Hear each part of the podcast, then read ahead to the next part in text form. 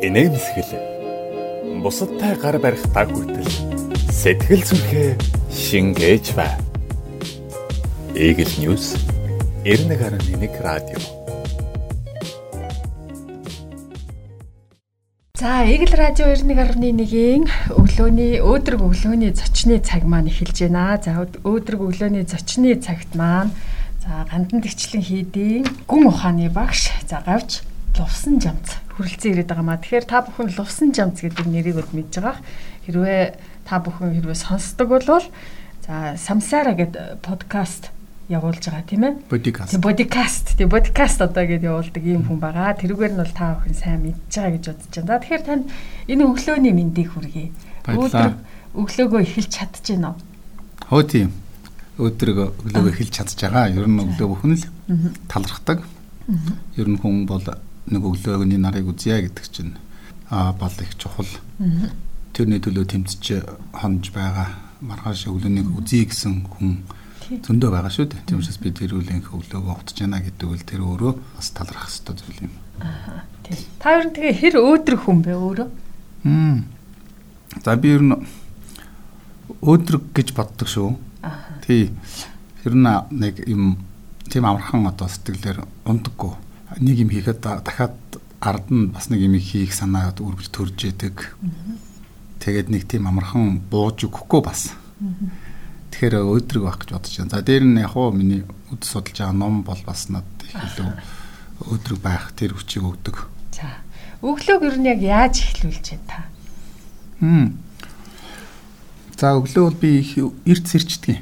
Их сонин 5 өнгөрөөгөл сэрчин. Тэгээ сэрэнгүүтээ би хоо одоо заншил юм да. Орой дээрээ гараа залбираад тэгээд одоо миний багш бурхан одоо миний орой дээр бол заларч байгаа гэж ингэж одоо бодоод тэгээд би өдөр багштай одоо сойрхол тайлбар гэж хэлдэг. Бурхан багшаагаа бодно, өөрөхтэйгээ багшаа бодно. Босоод шууд орон дээр суугаад.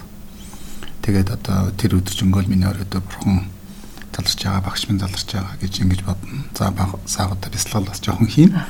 Хоосон чанарын тухай юм жоохон бодно. Одоо чадлаараа л тий ахтар өндөг хоосон чанар бясалгадаг гэж ярих нь хаашийн. Тэгтээ бодноо тэгээд бодмын зэргийг бол багасаа одоо сургуулийнхаасаа л үтсэн. Тэд оролдож одоо багшаагаа өглөө усаад багшийг одоо шүтсний ач тус. Шүтээгүн одоо гимэргүү мөн одоо өглөөгийн миний бясалгал бол тэр байдаг. Тим тим зүйлсийг бодно. За тэгээд дараагаар нь бол усан жаахан дасгал хийн. Тэгээд бурхандаа одоо мөргөн ном уншлаг уншин гих зэрэгэл ингээд нэг одоо нэг лам хүнийл яг энгийн хүн ч гэсэн тийм одоо өглөө эхлүүлдэг тэгдэг заншилтай байж болно. Заавал ам хүн гэхгүй тэгж л эхэлдэг. Ер нь та одоо бад зэрэгээр ч гэсэн бясалгадаг гэлээ тийм ээ. Тэгэхээр ер нь бясалгал гэдэг маань заавалчгүй нэг тэгж одоо төвлөрч суугаал орчноос тасраал ингэж үйлдэх тийм зүйл биш байх нь шүү дээ. Бясалгана гэдгийг ер нь хүн одоо нэг 5 минутын дотор ч гэсэн төр зорж хийж болох уу? Бясалгалын богинохон тийм зүйлийг хийж болох хүмүүс энгийн хүмүүс. Ер нь бясалгал гэдэг бол олон төвчнийх байна л да. Тэгвэл үндсэндээ бол бясалгал гэдэг бол өөрийн сэтгэлийг өөрийнхөө эрхэнд оруулах тийм зорилготой зүйл юм. Ер нь дадал гэсэнтэйг тун ойрхон. Тэгэхээр ямар дадалтай байх вэ гэдгийг өөрөө оролдож зөв дадлуудыг суулгах хэрэгтэй. А тэгэхгүй өөрийнхөө сэтгэлийн эрхээр яваад байвал бидэнд бол унтаад байх дадал байна. Тэгэл янз бүрийн одоо муу зүйлийн тухай бодож болно. Юунийч тухай бодохгүй зүгээр урсгалаараач байж болно. Тэгэхээр хөл өөртөө зөв дадал суулгах. Тэгэхээр зөв дадал суулгах гэдэг бол өөрөө бясалгалын эхлэл. Тэгэхээр өглөө босоод хүн өөрийнхөө одоо сэтгэлээ засах, өөрийгөө ирч хүчтэй болгох, аливаа юмсын одоо нойрших тухай бол зөв ойлголттой болох, талархах зүйлдээ талархах. Мөн чанарыг нь бас бодоод ер нь бол мөнх ус шүү дээ гэж өглөө хүн бодоод тийм сануулга өгөж байгаа гэдэг маань өөрөө бас бясалгал. За бясалгал бол тэгээд биеийн хилний бодлын дадлууд байх хэрэгтэй. Тэгэхээр бодлоо эхлээд зэгтлэх хэрэгтэй. Тэгэхээр бясалгал гэдэг бол заавал одоо орчин хамаар зүйл бол биш мэдээж гүн хүнзгий бясалгал хийхин тулд бол тодорхой хэмжээний одоо зэлүүд орчин чимээг орчин байх хэрэгтэй. А зүгээр өдөр тутмын одоо өөрийн сэтгэлээ дадуулахад бол хүн байгаа орчин нөхцөлдөө л өөртөө дадсан дадлыг бий болгох хэрэгтэй. Тэр ингээд үүндээ суурлыг дад дадчаараа бол хүн бараг чимээ шуган дотор ч гэсэн төвлөрч чадна. Төвлөрч чадна тийм ээ. Аа тэгэхээр эрдэмтэд бол барууны эрдэмтэд нэг юм судалгаа хийгээд түүнийг бол нотлсон байлээ л дээ. одоо нэг тийм Франц хүн байсан. Тэгтээ ламцсан байгаа те. Тэгээд тэр хүн өөрөө одоо яг энэ бясалгалыг хийдэг, тарин тоолдог одоо энэ үйл ажиллагааг хийхэд тэр хүний нөгөө тархины бичлэгийг бясалгаж явах үеийнхэн тэр тархины бичлэгийг энэ төр хийсэн байгаа даа байхгүй. Тэгэхээр тэр үед болвол тэр хүний тархинд одоо маш эерэг энергиуд те маш ад жаргалын гормон ялгарч исэн нь бол нотлогдсон байдаг л да. Тэгэхээр бясалгана гэдэг бол бясалгаж байгаа хүн бол маш аз жаргалтай хүн болох уу? Тийм. Юу бясалгаж байгааасаа л болно л доо. Уурыг бясалгаж яж болно. Шунлыг бясалгаж яж болно. Тэр хүн бол аз жаргалтай байж чадахгүй. Аа тэр хүн амар амгалан бясалгаж байгаа. Тэр хүн мөнх усыг бясалгаж байгаа. Тэр хүн өөрийнхөө сэтгэлийг одоо аз жаргалаар дүүргэх тэр үр дүнг өгч чадах зүйлийг бясалгаж байгаа бол тэр хүн амар амгалан байна тэр хүнээс аз жаргалын одоо ялгарх хэвээр бүх юм л ялгарна. Таригн ч гэсэн маш гоё төвлөрөл бий болно. Зөв сайхан энерги ялгарна. Тэгэхээр бясалгал гэдэг бол өөрөө дандаа тийм цагаан зүгийн зүйл биш байх нь шүү дээ. Шүнжэнгөө уурлаад өглөө босоод альбан тушаал боддог, өглөө босоод мөнгө боддог. Өглөө босоод одоо тэмцэл зүүдэлж хонж байгаа хүн бол өглөө тэр нь л бясалгал болж басна. А тэр хүний таригнд бас юу хийж болно? шинжилгээ хийж болно тий. Тэн тэнд бол аз жаргал тэр хүнд аялгахгүй байх гэж бодож байна. Тий. Тэгэхээр юу бясалгаж байгаагаас бас их болох нь шүү дээ тий. Тэгэхээр нөгөө бодол чухал гэдэг яг энэ л энэ дээр. Тий одоо бид чинь ингээ бясалгалыг өөр газараас хайгах хэрэггүй шүү дээ. Бидний өдөр тутмын үйл үйлдэл өөрөө бясалгал болчихж байгаа юм л да. Хүн насан туршдаа юу бодоод яваад байна. Өглөө бүхэн ямар дадал байна. Тэр чинь л өөрөө бясалгал болчиход байна. Тэгэхээр өглөө босон гутаад бид нэр босоод ерөөсөө сандарч эхэлдэг босоод л одоо ямар нэг юмд яардаг сэтгэл зовж эхэлдэг байх юм бол тэр зүйлийг л 1 жил 10 жил магадгүй 20 жил бяцлах гэдэг нөгөө хүн чинь нэг тийм оюун санаа болвол тийм байнгын одоо докторгуу стресстэй депресстэй болж эхэлнэ тэр хүний оюун санаа төвлөрөл үргэлж алддаг болчин бүр бүр тэр нь өөрөө ингээд автомат л одоо болчих болчин шүү дээ. Гих жишээний. Төрөний тэр одоо эрдэмтдтэй хийсэн судалгаагаар тийм ээ тэр шинжилгээгээр бол одоо тийм үр дүн гарсан байна гэдэг чам. Тэгэхээр ер нь бол манай одоо сүүлийн үед хүмүүс маань жирийн иргэд ч гэсэн өглөөдөө бас яг энэ аншлаар бас 108 мөрөгчдөг. Тийм ээ. За тэгээд бас нэг бяцхан өглөө эрт босдог болч болцооцсон байна. Уул хаданд бас гардаг болцсон байна тий. Тэгээ энэ бол бас нэг эерэг өөрчлөлтийн нэг хүмүүсийн хувьд тий. Тийм мэлдэ бид нар одоо шинээр тийм зүйл гараад ирж байгаа шиг бодоод байгаа юм. А уламжлалт зан заншлаасаа ингээд харах юм бол Монгол хүн өглөө босоод нарыг ажигладаг. Гэдэгтэл бол одоо энтхийн төл нарны мөргөл гэж байдаг. Бурандаа мөргөдөг энэ хөр гимнастик гэдэг 12 удаа гол хөдөлгөөн. Биеийн хөдөлгөөн. Тэгэхээр зөвхөн биеийн хөдөлгөөнөөс гадна хүн өөрөө сэтгэлийн одоо бас чухал. Тэгэхээр дотроо нөгөө олон амтны тусын тулд дулд гэж бодож байгаа За энэ сайхан одоо Эрдэнэ хүмүүний биеийг авсан дээрээ одоо хэрэг тусыг хийе гэж бодож байгаа. Миний энэ үйлдэл хүн намайг урт нустуулах гэж байгаа гэж бодох гэдмээр бодлын дасгал. Заман дотроо бас одоо нарны тарин унших юм уу? Эсвэл одоо өөр оюун ухаанаа сайжруулдаг тарин унших юм уу? а манд ширвахны одоо магтаалыг унших энэ төр чинь өөрөө хилэндээ одоо нөө зөв дадал хийгээд сургаж байна. Тэгэхээр энэ бүхэн бол өөрөө бясалгал болж байгаа. Тэгэхээр бие, хэл, сэтгэл гэсэн юм гурван зүйлээ бяцлах хэрэгтэй. Тэгтэл одоо хүмүүс бол яг уу ихний одоо шатанд авал биеийн одоо дадлыг бий болох гэдэг шүү дээ. 7 хоног бүхэн уулан давирдаг ч юм уу. Тийм өглөө босоод гимнастик хийж юм. Ятнаа биеэнийг ирүүл байл. Тэр биеэ ирүүлжүүлж байхын зэрэгцээ сэтгэлдээ бас гоё юм боддог байх. Амандан одоо гоё тарин юм уу сайхан үгийг хэлдэг байх. Тэнд гоё дуу сонсож байх чихэн дотор хүртэл одоо нэг сайхан 50 аялал сонсогдох, ирч хүчтэй өглөө эхлүүлж байгаа аяг шиг сонсогдох юм уу. Тэгэл нөө Монгол хүн зуулаа өргөдөгч нь л өөрөө гал үүсгэж байна. Тэр чинь одоо муухай зүйл хариуцах гэж байна. Гал бол хамгийн одоо хариуцах чаддаг зүйл шүү. Ерөөсөө эрт дээр байсан л одоо ч үргэлж галын тэр хүч байсаар л. За дээр нь бурхандаа сайхан зуул хүч а юу хүч өргөд. Тэр чинь л өөрөө ингээ гоё үнэртэн одоо зүйлээ тий. Одоо ч гэсэн ингээд одооны барууны хүмүүсийн амьдралын одоо стайлыг бид нэр дуурайдаг шүү дээ. Техникчтэй айгу гоё одоо үнэртэй зүйлсийг байлгачдаг. Тэгээд тэр гоё сайхан үнэр байх хэвээр. А түүнтэй адилхан аг ганг энэ гоё органик зүйлсийг одоо паудрын нүдэд арц хийгээд тэрий чинь одоо асаахтайгаа зэрэг сайхан үнээр өнөртөж байна. Нэг талаар бурхан дүргэж байгаа шүү дээ гэсэн гоё сэтгэл бий болж байна. А тэр бурхан нь ч бас яг уу бүр нарийн харах юм бол өөрөө тэр гоё үнэрийг өнөртж эхэлж шүү дээ. Бас ол муухай өнөр өнөртгöd хүнд ямар ах. Сайхан өнөр өнөртгöd хүний тэр бие организм ямар гоё хөнгөн байх. Чинь энэ бидний өөрсдийн уламжилт амьдралын зан хэв хөвшил чинь өөрөө эргээд одоо бидний зөв амьдрал зөв оршихоо тэр дадал өргөлж байсан байна гэдгийг л олж харах түүнийгээ сэргээх тэгээд орчин цагийн одоо нөхцөл байдалтай тохируулаад хэрэглэх юм бол Монгол хүмүүс эрүүл амьдрах бүхэл жор бол бидэнд байгаа. Өнөөдөр бол намрын дунд сарын бэлгийн тооллыг 25 ийм сайхан өдөр хоёлоо бас уулзж байгаадаа би бол их баяртай. Хойлоос нэлээд өдөр өдрийн өмнөөс ярьж эхэлсэн. Тэгээ өнөөдөр уулзж байгаадаа би маш их баяртай. Тэгээд а ер нь манай монголчуудын хувьд энэ шинийн 15 за тэгээ 25 29 шний 8 гэх мэт одоо эдгээр өдрүүдийг их чухалчилдаг тийм ээ буддийн шашинтай хүмүүсийн хувьд бол тий Тэгэхээр яагаад энэ дээр яг ингэж чухалчилд юм бэ? Тэрийг яг энгийн үгээр тайлбарлаж өгвөл. Тэгээ ер нь бол аливаа юмд ингээд нэг цаг хугацаа тавихаар хүн түүндээ хүрэх гэж яадаг. Тэр өдрийг бүрэн бүтэн одоо ашиглах гэж хичээдэг. Тэгэхээр энэ маш нарийн утгандаа бол ингээд зүгээр л нэг сар гээд 30 хоног дотор байснаас шиний 8 гэж хэлвэл. Тэр 8-ны өдөр чинь одоо дарих юм бол та мамал бурхны ултай өдөр.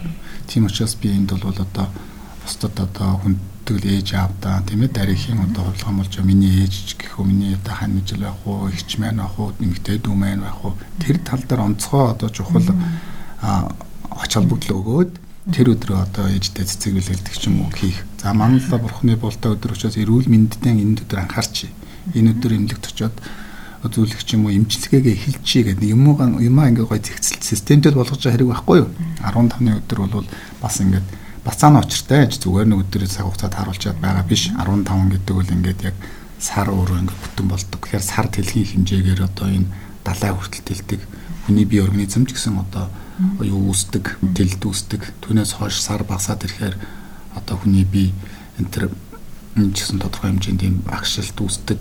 Одоо нарийн судлах юм бол эмэгтэй хүний одоо савн тэлж байгаа, багшж байгаа нүртэл одоо далай төрлөг эхэлж байгаа, татж байгаа а сарны одоо дүүрэлт бууралтаар энэ төр ингээд тохирж яах гэсэн судалгаа хүртэл байгаа шүү дээ. Тэгэхээр энэ бүхэн бол чухал тийм өдрүүдэд өөрөө одоо байгаль орчин энэ цаг агаар энэ төр яад нөлөөлж байгаа чинь хүнд шууд нөлөөлдөг хүнд бид нар бол энэ хичнээн одоо хүн мундаг байгаад байгалийн доор шүү дээ.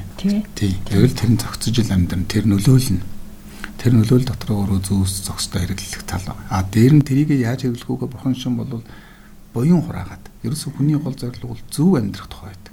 Буян гэдэг чинь өөрөө зөв амьдрах тухай э, сургаална шүү дээ. А тэгтээ тэр зөв амьдрна гээл нэг юм ганц гарчиг тавиад орчих ш тэрийг өдөр өдөрт нь тодорхой болгож өгч байгаа. Түүний өдөр одоо цагаан хол идчихье. 15-нд цагаан идчихье. Шиний 8-нд би цагаан хол ичихэр одоо 7 сарда 3 одоо цагаан хол идэж байгаа юм гэдэг чинь одоо байг гэхэд тэр хүн ингээд одоо хүнснийхаа юм зохицуулчихж байгаа байхгүй юу? А тэднийг сана өнөөдөр 15 шүү. За утгагүй битүүн болно шүү гэдэг чинь хүний оюун ухааныг бас дасгалж болж өгöd. Тэгэл зүгээр л нэг юм гал урсгалаараа явж идэг хүн бол өө тийх байсан юм өнгөрчиж. Өө ингэх байсан юм мартчих. Тэгэхээр тэр олон юм дээр зэрэг зэрэг энэ нэг юм өндөрсөл өгч штэ. А тэр юмний заагийг бас гоё тавьж өгч байна. За яг 15-ны дараа болъё доо гэж нэг юм хийхээ хийхтэй ч гэсэн. Тэгдэг. За шинийн гэдэг нь бол 15 хүртэл хугацаагаа хэлдэг. 15-аас хойшгийг бол шинийн гэдэггүй юм. Тэр бол хуучирч сар хуучирч байгаа байхгүй юу? Тий. Хуучтын 25 гэж хэлэх юм. 25 нь бас хаждын болтой өдөр гэж хэлдэг өнөөдөр бол. Тийм учраас гандан тэгснэ таждын жавхарн за нар хаж дурхан бол бас одоо нарны бурхан гэж зарим шашны одоо үзнэ. За Монгол жонгод бол бас хажид бурхан бол эмгтэй төртэй бурхан байдаг. Тийм учраас тэр өдөр одоо энэ хаждын тариныг тоолдог эсвэл хийдэг хүн бол одоо тэр уншилгаа заавал тэр өдөр бат унших хэвээр чадахгүй бол гурван одоо эмэгтэй хүнийг бас баярлуулах хэрэгтэй ч гэдэг юм ингээд тэр бүхэн ингээд тэр хүнд өдөр бүхэн тэр хүнийг хийх зорилготой ямар нэгэн ажилтай болгож гин одоо бүр энгийнээр тайлбарлахад а цаана бол одоо профессионалынхаа утгаараа бол зөндөө зүйлс байгаа шүү дээ тэр хаждын бол одоо таринаа тоолох хаждынхаа одоо уншлагыг бүрэнгүүст унших эсвэл энэ тодорхой хэмжээнд хийх хойш тавьшгүйгээр хийх хэрэгтэй болох нь шүү дээ. Тий. Тэгэхээр өнөөдөр бас одоо сая таны ярианд ч гэсэн дурдагдлаа тийм ээ. одоо ээж аваагаа баярлуулах гэдэг эмэгтэй үнийг баяр. Өнөөдөр ч бас ахмадын өдөр юм билээ. 10 дугаар сарын 1 тий. Монгол улс 92 оноос хойш тэмдэглээд эхэлсэн гэж байна. Тэгэхээр хүн нөгөө буян буйныг одоо хүн мэдээж дандаа аав ээжийнхээ буйныг одоо хариулах юмсан ачийг нь хариулах юмсан гэж хүн болгон дотроо бодож явдаг. А гэвч одоо яг энэ амьдралынхаа нөхцөл байдлаас цагийн боломж юм уу айсгүл бол одоо санхүү мөнгөний боломжгүйгээсээ ч юм уу эцэг ихээ баярлуулчих юмсан гэсэн хэрнээ баярлуулж чадахгүй явдаг хүмүүс байдаг. Тэгэхээр энэ хүмүүс жишээлбэл эцэг ихийнхээ одоо буйныг ачийг хариулж гинэ гэхэд одоо эд үлгийн зүйлийг өгөөд за одоо бүр ингээ баярлуулж чаддгүй маа гэхэд за өөрөө очиод бас баярлуулж чаддгүй маа гэхэд сэтгэлийн зүгээс тэр ээж аавда ямар буйныг өргөж болох вэ? Тийм нь бол заавал таранд болоод аав ээжигээ бодоод нэг мөрөгчүүл энэ бас ямар үйл болох вэ? Тий болно л доо. Тэгээ яг би хэл сэтгэлээрээ л хүн чинь сайн зүйлийг хий, муу зүйлийг хийж байгаа юм. Тэгэхээр сэтгэлээрээ гэдэг нь илүү хүчтэй ер нь бол биеийн болоод хэлээр одоо хэлгээс илүүтэйгээр сэтгэлээрээ хүнд хандж байгаа хандлага бол илүү хүчтэй. Сэтгэлээрээ хүн тусалж байгаа тусламж бол илүү хүрнэ сэтгэлээсээ хүнд хэлж байгаа үг болвол тэр хүнд их сайхан нөлөөлнө. Тийм учраас яаж явахад л одоо сайхан сэтгэлдээ үсгээд яаж явахаа даачийн тус ачийн бодно гэдэг чинь тэр хүн өөртөө санамж өгж штт. Миний ээж аав намайг өдий хүртэл ийм сайхан одоо хүн болгоод өсгсөн зөв хүмүүжлэлтэй зөв яс сутгунтай хүн болоо өсч өссөн байна, эрүүл өссөн байна. Тэгэхээр ээж аавдаа би талархах ёстой гэсэн санамжтай байна гэж тэр хүн заавал тэр өдөр биш юм гэхэд нөгөө санамжийнхаа дагуу тэр хүн яг туслах цагаа 3 хоногийн дараа байж болно. 10 хоногийн дараа байж туслахтаа нэг сайхан туссан шүү дээ. Тэгж боддгоо хүн бол гинтхэн нэг их зүйл авчичод явах үү те. Яран сандар нэг бэлэг явуулаад явах үү те. Тэрний өмнө сэтгэлээсээ би ээж авахд л ачиг л хөдлөх ёстой шүү. Би ачиг хариулах ёстой. Миний үүрэг шүү гэж бодсон тэр сэтгэлийг үргэлж сэргээж яах гэж байгаа байхгүй. Галыг сэргээж байгаа тайлхан сэтгэл дотор байгаа тэр хайр инэрлээ сэргээж өгч гэсэн. Тэгэхээр ахмадын баярын өдөр гэж нэр өдөр нь болохоор л ухсан тэр өдөр нэг багтаж нэг юм өгөхөөс илүүтэйгээр 3 хоногийн дараа. Жил бүрийн одоо 11 сарын 10 дугаар сарын 1-нд 10 дугаар сарын 1-нд ажиллаа. Аа. Өнөөдөр ч гарч ээж аавдаа би нэг сайхан энэ өдөр нэг баяртай сайхан юм хийндэ гэж бодож явах урдаас бэлтгээд хийн гэдэг чинь л өөрөө тэр хүний ээж аав хүндлэх тэр сэтгэлийг их сайхан сэргээж өгч байгаа шүү. Тэхийн тулд нэг тийм өдөр цомцолж өгöd байгаа. Тэр тэр өдөр бол тийм айхтар онц өдөр бол ерөөсөө. Тэгшүү дээ танаа огтдаг шүү дээ. Он солигдож байгаа чи ерөөсөн тэр 30-ны орой шинэ оны нэгний өглөө гэдэг чинь нэг онц ялгаа байхгүй. Бас өдөртөө л адилхан өдөр. А тэн дээр юу болдог хүн сэтгэл зүйн хувьд өөрчлөлт хийдэг. За урд нь 10 юм бол ингээд дусаа. Одоо би шинээр юм эхлэе сайн гэсэн бол би нэгэн одоо жилийн турш гаралтай зүйл хийгээд амжилт нь одоо энд хүрчлээ. Одоо дараагийнхаа үе шат руу орё гэдэг юм сэтгэлийн хувь зааглал үүсгдэг юм аа. Тэрнээс ертөнцийн нэг өдөр өчигдөр чиний нэгний өглөө битүүний өглөө хоёр ямар ч ялгаа байхгүй гэж байгаа юм. Тэгж шилдэг. Аха. Тэгэхээр одоо нэгэнт одоо аав ээжийн тухай ахмадуудын тухай ярьсан чинь ер нь хүн хөшрөх гэдэг а ялангуяа эрүүл урт наслах гэдгийг буддийн одоо шашинд юу гэж буддийн одоо үзлэр юу гэж тайлбарлсан байт юм бэ? Энэ бол айхаар зүйл мөн үү? Хүмүүс одоо өө хөшөрлөө одоо яа баг 40 хүрэл зарим хүмүүс маань ийм сэтгэлээр унамтхаа те яана хөшөрчлөл гэл. Одоо өнөөдөр жишээлбэл ахмадын баярын бэлтгэл 40 хүрээгүй хүмүүс л би би нэгэ шоглоол ахмадын баярын бэлт явуулаад. Тэ тэгэхээр энэ одоо ер нь энийг юу гэж тайлбарласан бэ? Юу гэж жам ёслоо. Тийм ер нь одоо ертөнцийн дөрвөн одоо жам одоо нэгсэн дан бүхэн шинаар бол баг нөгөө дөрвөн зовлон гэж хэлж байгаа байхгүй юу. Тэгээд яахтар зовлон гэхээс илүүтэйгээр энэ бол тоомжруу байвал зовлон шүүл гэж хэлж байгаа. Төрөх, өтлөх, өвдөх, үхэх. Тэгэхээр өтлөнө гэдэг бол ерөөсөө хүн төрсөн агшингаас эхлээд эхэлж байгаа юм. Алхам алхмаар өтөлж байгаа байхгүй ч өдрөөсөн өнөөдөр өглөөнөөсөө өдөөс хойш хөтөлчихөж байгаа юм. Чинь маш жижигээр явж байгааг бид мэдэхгүй байгаа. Тэгэхээр бол энэ бол бидний л амьдралын явц. Тэрнээс энэ хөтөлж байгаа нь өөрөө тийм муухай зөвлөж биш. Ерөөсөө жам ясаар энэний эсрэг сөрөг зогсдог ямар ч хүн байхгүй. Тийм учраас энэ бол явцтайгаараа явна. Аа тэгээд нэг далаа өгшөө өгөөд ч хүн бид бол өхгүй юм шиг амьдэрдэг. Аа тэгээ яг өөх болохоор амьдраагүй юм шиг өвдөг зуралдаал, хорогдоол ингээл зөөвлөал. Тэгэхээр тийм биш. Тодорхой тодорхой цаг хугацаагаа бол зөв хэрэглэж байгаа. Үг шүү дээ. Тийм учраас бид нар өтлөхгүй юм шиг загнаж болох. Өтлөж байгаа бол өтлөөгүй юм шиг бас тэгэл одоо өтлөхгүй цаг хугацаанд өтлөхгүй орчинд байсан юм шиг тэгж хараасаад байгаа ч тэр өтлөж байгаа өтлөж байгаагаар нав 40 насаа 40 насны хэмжээнд л ав. Харин тэр дотор 40 настай хүн юу хийж болох юм бэ хийсэн байх хэвээр. Бас 50 хүрнэ. 50 хүрэхдээ би юу хийж чадсан байх хэвээр юм бэ гэдэг юм а одоо зорилгоо тавиад хийгээд 50 нас хүрэхэд би нэг ийм зүйлийг бас хийцэн байх шүү гэж үр бүтээлтэй хүний насын 50 насыг бол тэргээд харахад сайхан өнгөрөөцөн байна Атлахын цагт бас хүн нам миний талаар юу гэж дурсах вүлээ, өр хөвгт маань яаж бодох вүлээ, бусад яаж дүгнэх вүлээ гэдгийг өдөр тутам бодож явах хэрэгтэй. Тэр бүхэн л тэр нөгөө нэг амьдрах урт удаан хугацаанд байх тухай бурхны шинд бол түүнийг заана. За урт наслахын тухайд бол бас бурхны сургаалд хүн сайн сайхан үйл ирэхин тулд эрүүл байх. Урт наслах хэрэгтэй. Тэхийн тулд юу хөөгээр зөвөр мөргөөл залбираад урт насны бурхны шүтэл байгаад байх биш. Өөрөө ерөөсөн одоо амьдрал дээрээ л түүнийг хэрэгжүүлэх гэсэн үг л дээ. Тэгэхээр яг уу гэхээр нэгдүгürt одоо сай гой жодлом гэж нөхрөн зүйл хэлдэг. Саа гэдэг нь идэ. Идэ ундаа хүний амьд дурдууд наслах хамгийн чухал зүйл. Идэг тааруул, идэх ухаа тааруулах нь шүү дээ. Хүнс зөв хаал гэсэн үг. Одоогийнхоор бол. За хувцас гэж байгаа. Хувцас гэдэг бол одоо хүмүүс хувцас сайхан зөв тааруулж өмсөх, дарах, хөрөх, бидэд өвтэй байх одоо бэртэхгүй байх талаас нь энэ төр ингээд хувцаа зөв тааруулж өмснө гэдэг бол хүний одоо энэ төр үний урт удаан наслах одоо эрүүл их байх шалтгаан болдог. Гуравдугаарт нь явдлаа гэж хэлдэг. Явдалмөр гэдэг дотор бол хүний одоо үйл үйлдэл тийм ээ.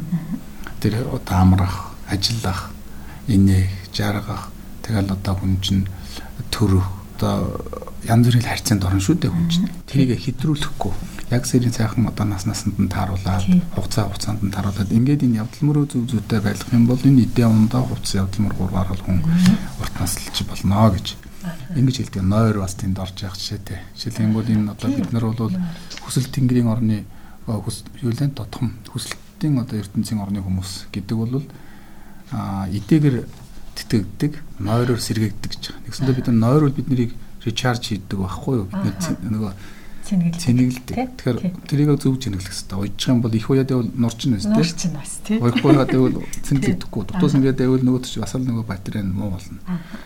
Аа, нойроос иргэддэг. Эдийн ундагаар тэтгэгддэг. Тэгэхээр бид нар бол өөр ертөнцийн улс биш. Яг энэ зам бүтийн хүн бол эдийн ундаагаа зөв хэрэгжилж тэрүүгээр ингэж одоо тэтгэгдэж явдаг байгаа байхгүй. Тэгэхээр ийм гоё гоё зарчмуудыг бурхан номдор хэлээд өгсөн байдаг. Тийм. Тий, тэгэхээр л одоо энэнийг л яг зөв зүйтэй мөрдөх юм бол урт наслна. А мэдээж дээр нь бас хүний сэтгэлийн хувьд өөрөө урт наслах тэр тарныг уншиж явах, урт насны бурхныг шүтэж байх хэрэгтэй. Тэр урт насны одоо бурхныг цагаан дарих аюуш тэргүүтээ урт насны бурхныг шүтснээр юу болдг юм гэхээр тэр хүний нас гэж чухал юм байна. Би урт насыг өсөж байгаа тайлбар хүмүүс ч гэсэн урт нас, амь насанд анхаартай байдаг юм байна гэдэг ойлголтыг явцын дунд суулгах зорилготой байдаг. Тэндээс гинтэх нэг гэж ийм авчин гэхээс илүүтэйгээр хүн одоо эрүүлийн хурд удаан хугацаанд амьдрахын тулд хүмүүс ч гэсэн яг нан миний бодож байгаа шиг хүсэлтэй байдığım байна шүү гэсэн тэр зөв ойлголтыг авах чадах нь ш. Тэгэхээр бусдад хорлогоо ба бусдын одоо эрүүл мэнд хоргоо зүйлийг хийх бизнес юм хэлээж гисэн бусдын одоо харин насанд хоролтой байвал эн чинь яг би өөр урт таслах гэдэг шиг би бусдад одоо урт наслалтанд саад болж байгаа зүйлийг хийж байгаа бол энэ буруу байх нэ гэх маягийн одоо ухаарл өгөх гэдэг шүү дээ. Тийм агуулгууд цаана явдаг. За тэгэхээр ер нь эцэг эхийгээ хүн санаатаа болон санамсаргүйгээр гомдоодог. Одоо жишээлбэл бидний муу явж байгаа жоохон бүтлгүй хазаасан дээр хүртэл эцэг их сэтгэл нь өвдөж илээд байх тий. Тэгэхээр эцэг эхийгээ бас хүмүүс бурхан одоо өглөө босоо залбирдаг шиг бурхнаа тий.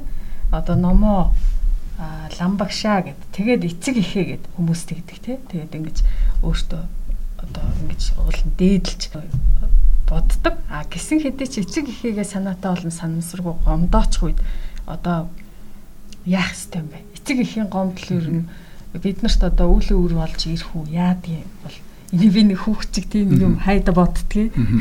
Яг одоо яах ёстой вэ эцэг эхийн гомдлыг? оюун төлхөөргөө сургаал байдаг шүү дээ. Цаасан шууны үлгүүр энэ төр тэр дотор байдаг шүү дээ. Шүтэх ёстой зүйл гэдэг бол багш хийгээд эцэг их гурыг одоо өвшөндөл шүтэж явах ёстой маа гэж. Тэгэхээр хүний ээж аав гэдэг бол хүнийг өсгөж хүмүүжүүлж тэр хүний төлөө гол нь хамгийн сайн сайхан юм зориулж байгаа юм. Хин хэний төлөө бүх юм зориулж чадах? Хүний ээж аав л хүүхдэд зориулж байгаа. Тэр үед амьд байх бүхий л хугацаанд тэр хүний төлөө санаа зовж өөрөө идэх зүйлээ хүртэл хүүхдэд өгнө. Охны ном дотор байдаг ч ээж аавын одоо ачаа харуулах судар дотор ээж хүн бол одоо хүүхдээ одоо шээчих юм бол тэр нойтон зүйл дээрээс нь авч хуураа газар тавьчаад өөрөө тэр одоо нойтон шээсэн дээр хөвтөж байхдаа баярлж яддаг гэж. Гэхдээ хин хүний шээсэн дээр очиж хөвтөчээд өөрийнхөө сайхан дулаангаа өгчөөд баярлах уу? Тэр их сонин одоо байна шүү дээ. Тэгж сэтгэл санаагаа зориулж байгаа учраас хүн ээж аавдаа болвол маш хүртэ юм байна. Тэгээд тэрийг хариулж явах тэрийн төлөө өргөлж одоо бодож байгаа хэрэгтэй. Яг л тийм сайхан инэрлийн, тийм сэтгэлийг авчхаад тэгээд оронд нь юм өгөхгүй байна гэдэг бол өөрөө илүү одоо нүгэлтэй юм илүү одоо төлөх хэвээр төлбөр нэгснэ л гэсэн үг шүү дээ одоогийн бол. Тийм баг. Тийм болохоор ээж аваагаа өргөлж одоо тэтгэж явах хэвээр за санамсргүйгээр хийцэн үйл болвол бурхны ном сургаалаар бол яг хүн гүнзгий юм уу бүрэн гүйцэтгэл болохгүй. Санаанд дүүр хийсэн учраас. Санаанд дүүгээр хүнийг одоо дисчих юм бол тэр санаагаар зогсноос өөрөлтөө. Гэхдээ уучлаа авах хэвээр ээж аваагаа болж игэл тэгэхээр санаанд дүү гэдэг юм чи өөрөө бол бас ингэж өмнөх сэтлээс хамаарна шүү дээ би ээжигээ тэгчихвээ би аваагаа чихвээ гэсэн бодол өмнөөс байлгаж байх юм бол хүн санаанд дүүрхийг маш их хол байж чадна. За тэр нүгэл болон болоод эргээд дөрөв асаас өөр над нүгэл болж ирэх үү гэд.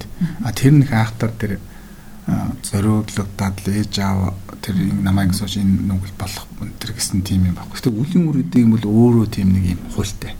Тэрийг хэн зохицуулахгүйгээр өөрөө одоо хуулиар явж штэ. Би одоо юу гэдэг ногоо тарихтайгаа зэрэг тэр сар найзцгаа шар өнгөтэй ургаж байгаа нь. Айлхааж ямар явж байгаа тэрийг хинж боддог өгөөгүй. Бас хин нэгэн бурхан Иесус Будда зохицуулаагүй. Яг дүнтэй адилхан дөөлийн үр гэдэг бол хийсэн үлийнхэн үр дүнд өөрөө зохицогдож гардаг өнгөтэй гарцгаж гардаг навчтай зүйл гэсэн үг. Тийм болохоор ээж авах бодлоо буруу зүйл хийх юм бол муу муухай зүйл санаагаар энэ төр хийж явах юм бол тэрний үр дүн тодорхой тодорхой хэмжээндээ гарч ил таарна. Тэгээ тэр нь бол нэг тийм айдас үс үсгээд байгаа зүйл биш будда нэг юм зохиогоод хүмүүсийг ялах гээд байгаа зүйл биш. Зүгээр л тэр өөр амьдралын хуулиараа л тийм явагдаж байгаа юм. За одоо тэгвэл хоёлаа эргээд бясалгал руугаа оръё л да. Тэ. Бясалгалыг бол хүн за 5 минутаас 30 минутын хооронд нэг ямар ч байсан өдөрт одоо энгийн бидний хувьд те энгийн хүмүүсийн хувьд хийчихэд их зүгээр гэл би ийм мэдээллүүд их аваад байгаа байхгүй сүүлийн үед. Тэгэхээр энэ дээр юу гэж хэлэх вэ? Бясалгал За бясалгал гэдэг хүн нөгөө түрүү хэлсэн хэлсэнчлэн одоо ад жаргалын гормон ихтэй болдог эерэг өөдрөг. За би өөрөө өнөөдөр эерэг өөдрөг байлаа гэхэд надтай таарсан нэг хүн надаас бас нэг өчүүхэн ч гэсэн эерэг юм авж үлдээсэ гэж бас боддог байхгүй дотроо. Тэгэхээр энэ бясалгал дээр юу гэж хөшөө бүр тодруулж хэлмээр 5-аас 30 минут гээд хангалттай юу хүн зүгээр юм хүмүүс яг бясалгал нөгөө олон янзын төвшөнд байна гэсэн тийм маш төрхөн хугацаанд ч гэсэн зөв зөвтэй бодох бясалгаж болно. Маш хурдан хугацаанд төвлөрч болно. 30 минут л хангалттай хугацаа. 30 минут дотор бол зөндөө юм бодож болно. Одоо энэ бясалгалын хичээлүүд энэ төр бол нэг 45 минут тэр бясалгах. Тэрнээс их уртж байх. Одоо ихний төвчний зөвсөд бол 45 минутаас урт байхгүй л болтой байгаа юм. Тэгээ хүн чинь тийм удаан ингээд амархан бясалгаад бодлоо тогтооно гэж амаргүй шүү дээ. 5 минут ч бид нар ингээд юм штайхан бодож чадахгүй. Ингээд тэр 7 ишээ тийшээ сэтгэл зүйн нэг гүгээд идэх. Ерөөсөө л нэг салхинд байгаа зултай адилхан гэж байна гээд хөлж ингээд чичрээд хөдлөөд ерөөсөө тэр нэг юм төөн чадахгүй. Тийм учраас эхлээд тэр би хугацааны талаар бодхоос илүү бяцлаглалын талаар ойлголттой болох хэрэгтэй. Жохон зүйлийг бол дадуулах хэрэгтэй эхлээд нэг дадуулах. Ерөөсөө нэг одоо өдөр тутмынхаа л нэг зөв дадалтай болж чадах хэрэгтэй. Эхний ээлжинд үйлдэлээ дадуул. Дараа нь үг хэлээ дадуул. Дараа нь бодлоо дадуул. Хүний бодол гэдэг нь захирагдаад хэцүү хүний биеийн хөдлөлөө уулган зохицуулаад бас байж контролдож болно. Үг яриагааж контролдож бас болно. А бодлыг намайг юу гэж бодож байгаа ямар хүн бодох биш гэж бодоод байдаг учраас хүн бодлоо ерөөсөө ингээд контрол зохицуулдаггүй. Инээж байгаа ч гэсэн дотороо муухай юм бодож иж магадгүй байдаг. Бодолтойгоо одоо харьцнаа гэдэг нь өөрөө бяцлаглын нэлээд нарийн төвшин рүү очиж байгаа гэсэн үг. Тэгэхээр хугацааны хувьд бол тэр тэгээд багаар тэгээд явандаа уртцаад хийх зүйл тэгээд чаддаг болоод бол урт удаан хугацаа хийн бас их хэтрүүлж болохгүй гэдэг уйдгартай болчдөг. Их одоо удаан байхаар сүлдээ өнгөд чин сэтгэл живийг тогшох гэж байна. Эцгийн унтаараад анхаарлын хит сарнилд орчдөг. Аа. Эсвэл бид нэр анхаарлын хит одоо ийм итгэвчл орчдөг. Ингээд л ерөөсөө ингээд тэшээ өсчихэл одоо ингээд сэтгэл ингээд хараад жоох нэг юм бод. Тэрэж бодогдоод нэгж бодогдоод утас ажил ингээд дараагийн асуудал. Бид нар бол анхаарлын дээр хит их идэвхжил эсвэл гэртээ очихоор нөгөөд нь шууд унтраа хит анхаарлын сулраг хоёр дотор л яваад байгаа. Нэгсэн дон гоё юм тэр бодлынхоо ингээд дээр далай байлаа ус байлаа тэрний дээр гоё хөвж чаддаг. Эсвэл живдэг эсвэл дэшээ өсчдөг. Тэгэд энэ энтрийг л зохицуулах стайл гэж ярьдаг. Жишээлх юм бол одоо таны хувьд за ингээд ер нь энэ одоо бурхны шашныг шашнаар одоо ингээд тийм ээ одоо мэрэгшсэн гэж хэлээ лам хургууд маань байна тийм ээ за одоо энэ шашны сургуулийн багш нар гэдэг эдгээр хүмүүс маань бол би өдөр болго эдгээр энэ бясалгалын, тарин тоолохын, за энэ төвлөрлийн энэ одоо бүх зүйлийг өөртөө бүр дадал хөвшил болгоц маш олон жилээр ингээд хийцэн юм улсууд байдаг учраас төрөний тэр эрдэмтдийн хийсэн шинжилгээгээр одоо шинжилгээ шиг их тийм аз жаргалын гормон ихтэй улсууд байдаг болоо гэж би бодчихээн үнэн үү? Аз жаргалтай байхын тулд ер нь төгд хүн юунаас эхлэх ёстой вэ? Тийм Тэгэл бүхний ном сургаалтын суралцж байгаа. Тэгээд хүмүүс бол аяндаа л тэм дадж эхэлнэ. Тэгээд ном сургаал дотор өөрийн дандаа л тэм зүйлийг л босоод одоо бяцлах хэлний өдөр ингэж бяцлагж байгаа, орой тэм зүйлээ бяцлагж байгаа. Тэгээд үзэж байгаа ном дотор ч гэсэн тэр тухай тухай үед нь мэдж авч байгаа зүйлсээ дадал болгож хэрэгжүүл. Тэр бүхний ном сургаал бол зүгээр мэдлэг олоод байдаг зүйл биш. Тэр мэдсэн зүйлээ амьдрал дээр хэрэгжүүлэх тухай л хэлдэг юм. Тэгэхээр номын сурна гэдэг бол тэр зүйлээс хүн зөв дадал зөв одоо үйлдэлтэй болж чадвал тэр ном өөрт шингэж гин гэсэн үг. Тэрнээс зүгээр нэг бахын тогтоогоолж ажиллал хүнд яриад яваад байдаг юм биш. Өөр чам дээр юу болж тусваа гэдгээр шинждэг тийм ба. Тэгэхээр багш нар бол хичээл заадаг хүмүүс бол эхлээл явуулчихлаа заагаал яваад. Аянда тэр чи өөртөө нэг сар заагаас үлдээгүй би өөрөө энийг хэрэгжүүлдэг л гэж бодож эхэллээд би өөрөө ч гэсэн хэрэгжүүлэе гэж ингээд хийж эхэлнэ. Тийм тэгээд лам хүмүүс бол бас тэр ном шаал суугаад байснараа ч тэр бүгдийг ойлгочдөг зүйл биш. Их удаж ээж бий болох байх. Гол нь тэр зүйлийг задлж үздэг юм. Дон орчуулад тэгээд тэр доторх монголоор зөндөө байгаа шүү дээ. Багшаар заалгаад тэрийг задлаад ингээд үзсээр агаад ухаарад ойлгоод тэгээд аяндан одоо өөрийнхөө сэтгэл зүйн нөлөөлнө, үйл явдалд нөлөөлнө, бод сэтгүүлч нөлөөлнө. Тийм учраас тэрэн дандаа зөв заагаад байгаа учраас мэдээж одоо сайхан энерги ялгаруулах байхаа гэж бодож байна. За үүдэл ахтар энерги гэж ярихаас илүү зөв үйлдэлтэй хүн нэг хажууд байгаа хүн чинь бас хоёлоо яваад ийшээ дарих уу яг л үгүй би ч одоо дарих бодохгүй хүн тамхи татъя яг л би ч тамхинаас хол хүн гэдэг чинь л тэр хүмүүст ажтайхан зөв үйлдэл өгöd нь штэ энерги гэхээс илүүтэйгээр тэр үйлдэл чинь өөрөө хүний нэг нэг зөв татаад байна да. Тэгэхээр өрн тэгэл аз жаргалтай байя гэдгийн эхлэн тэгвэл юу байх вэ? Бясалгал хийхээс эхэлж болох уу? Ингийн хүмүүст энгийнээр хэлэх гээд байна л да. Бид нар ч одоо энгийн байхын эхлэл бол ерөөсөө би бол мэдлэг л гэж хэлнэ. Тийм буддийн шин бол мэдлэгийг голдог шин. Тэгэхээр хүн мэдлэгтэй байх тусмаа зовлонгүй байна. Уншдаг байх тусмаа л илүү зовлонгүй.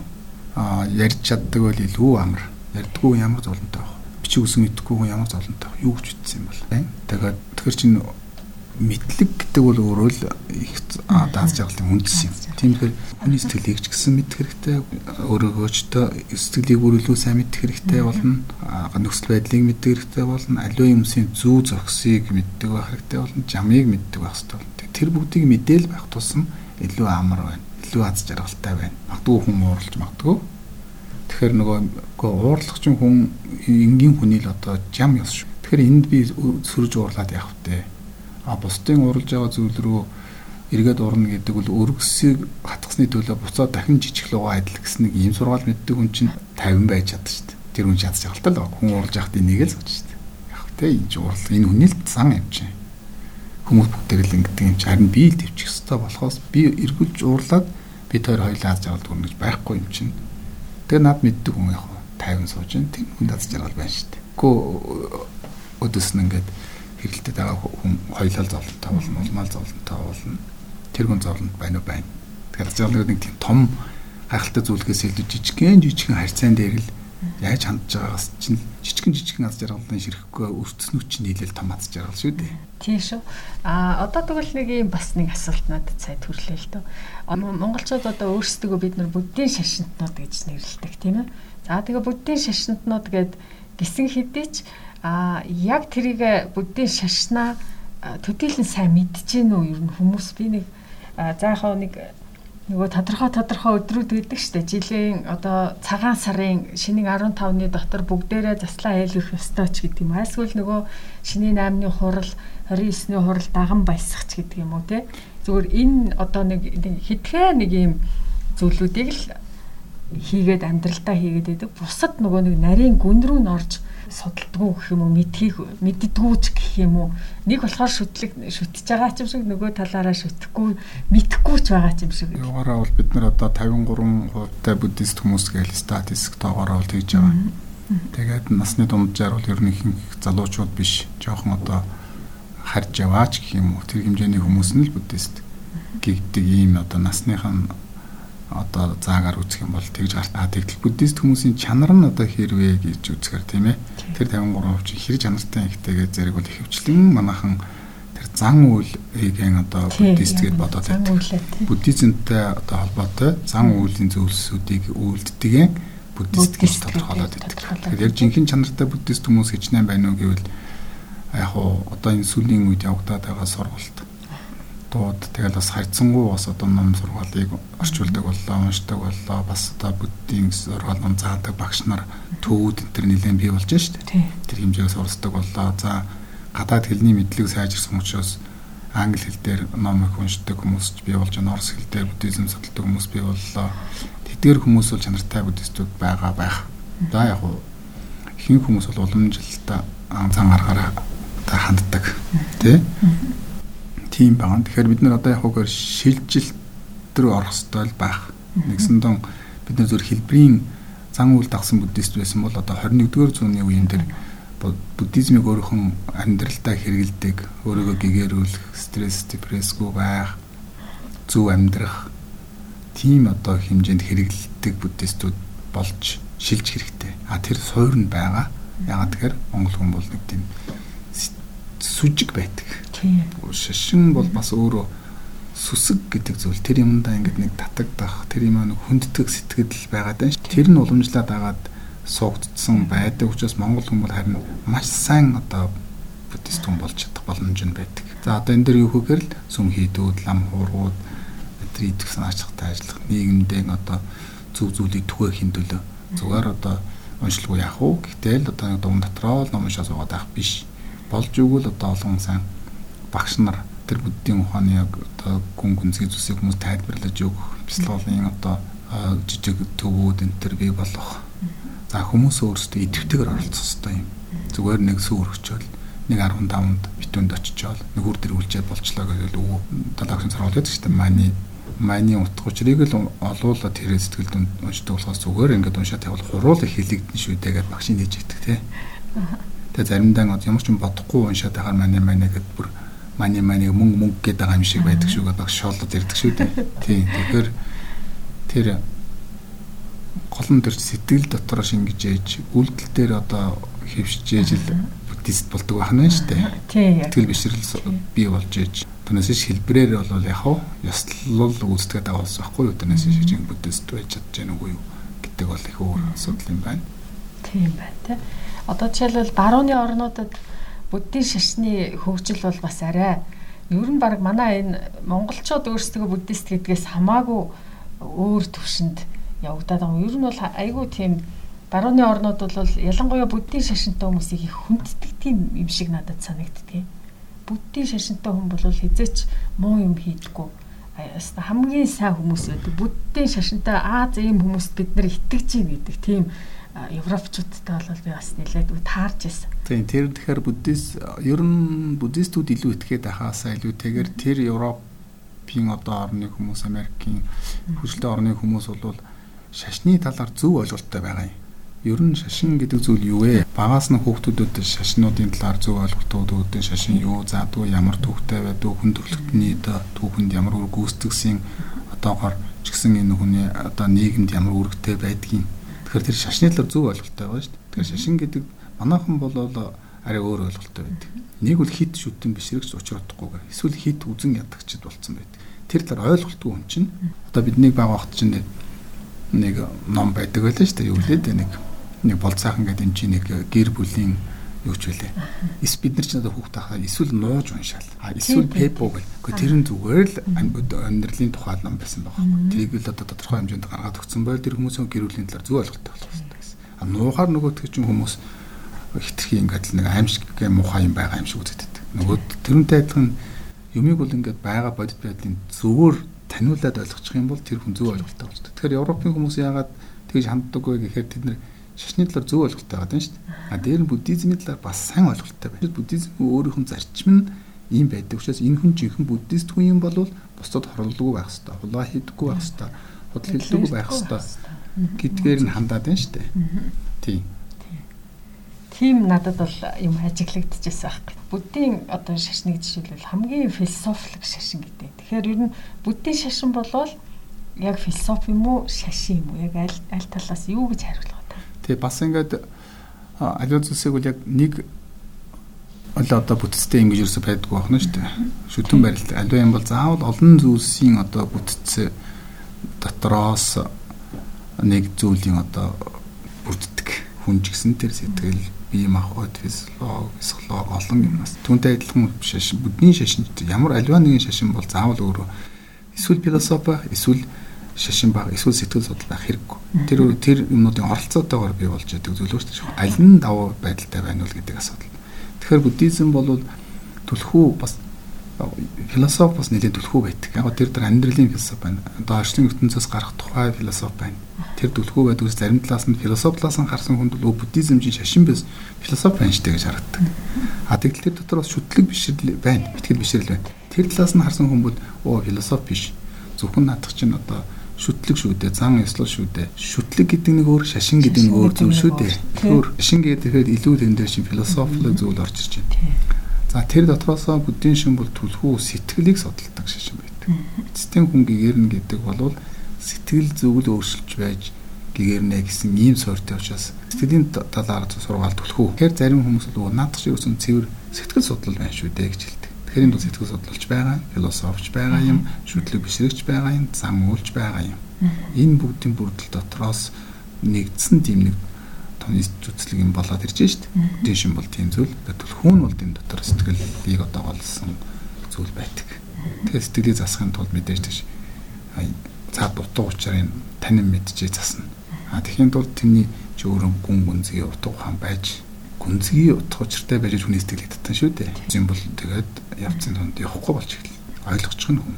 Зүгээр хоосон одоо шүтлэг бол бас амжилтанд хүрэхгүй шүү дээ. Зөвхөн одоо чи итгэл, бишэр, мөрөг, залбир гэд байхаар чинь яагаад гэдэг асуудалд гарч ирдэг. Тэр нь тайлбар өгөхгүй бол лонгой орчин цагийн хүмүүс бол тэр тайлбарыг хүнд өгөхгүй бол тийм амархан сэтгэл зүрхээ тэнд очиж тушаахгүй.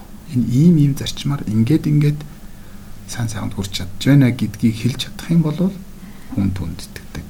Аа энэ зөв байна одоо бид нэг банкны тухай мэдээлэл өгье л та манай банкд бүх мөнгөич тэгэл та манай банкны эзэн шиг болчихно гүйлхэн итгэхгүй шүү дээ. Та ийм их хэмжээнд ингэж хүүгээ аваад ийм одоо хөрөнгө оруулалт хийгээд тэгээд ингээд жил жилийн хүүч нь ингэж өссөөр байгаад тэдэн жилийн дараа та ийм одоо хэмжээнд хүрнэ л гэвэл хүн чинь тэрийг танилцчихэж одоо хөрөнгө оруулалт мөнгө оруулалт юм байна шүү дээ. Тийм тэрш буддизм бол тэрийг тайлбарладаг байхгүй. Та оруулж болно, оруулахгүй ч болно. Гэхдээ та ийм олон нөхцөл опшнууд байна гэдэг. А зарим шашин бол зүгээр л та нэгийг ч үлдээлгүй бүх мөнгөө л итгэл хийж. Итгэл чинь бидэнд байгаа. Манай эзэн бол амар итгэлийг даадаг хүн шүү.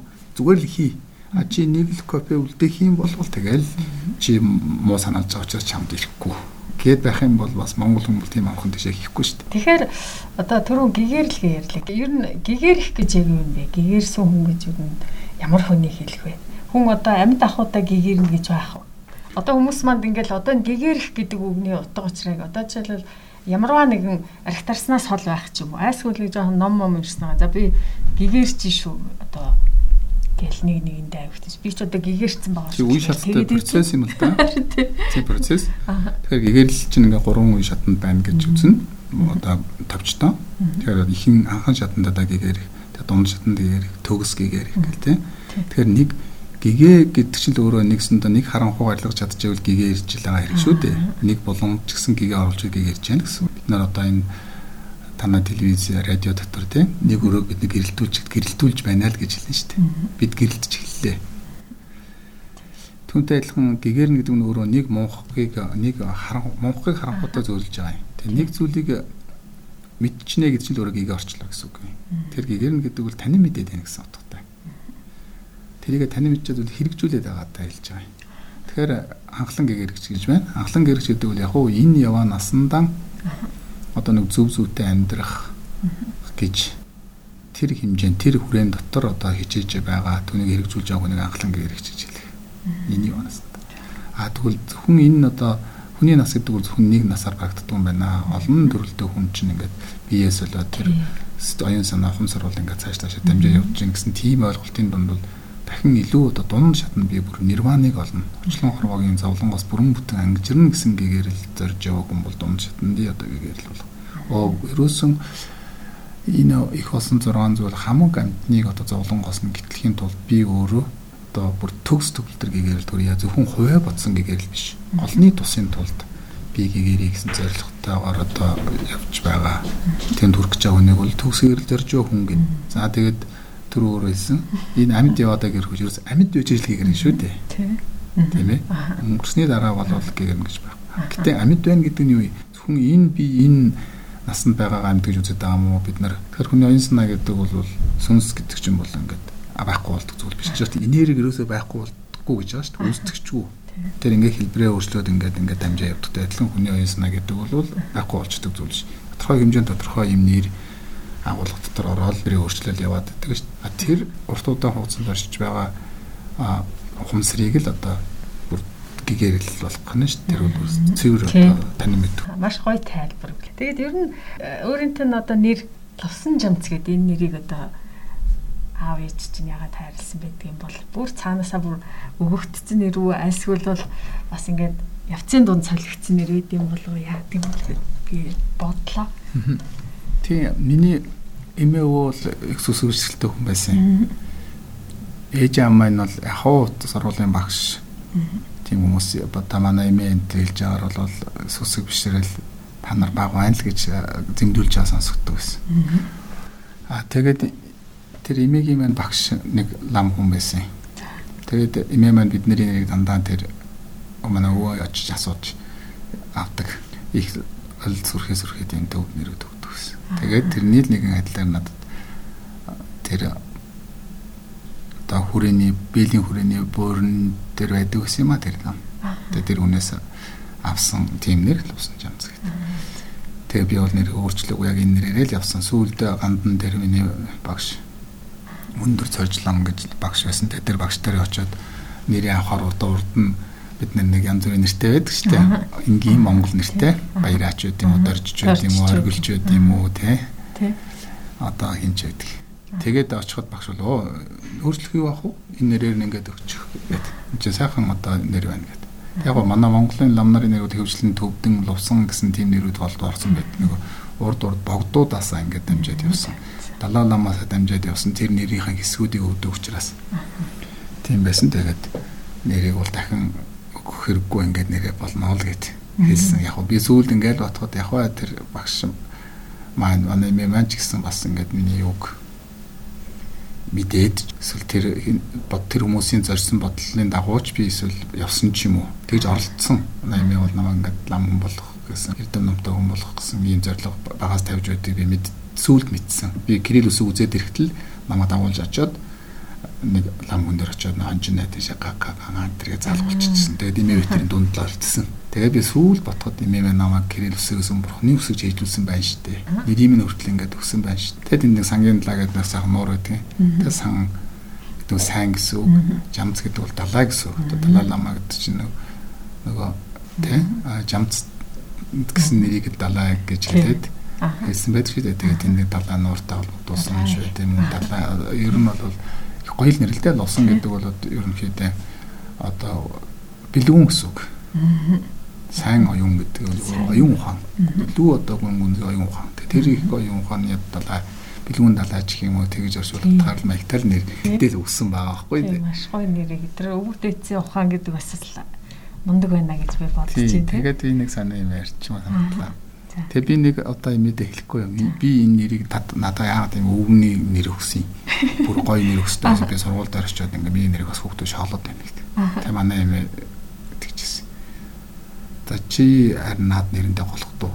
Чам шиг юмд шоглохдохгүй баха гэж хэлчихсэн. Энэ голохдоо наад нэрэндээ. Чам томд нүг гэж чам шиг юмд багтахгүй гэж. Удаа боддоо байхад нэрээ үнэн хэлжээ гэж боддог.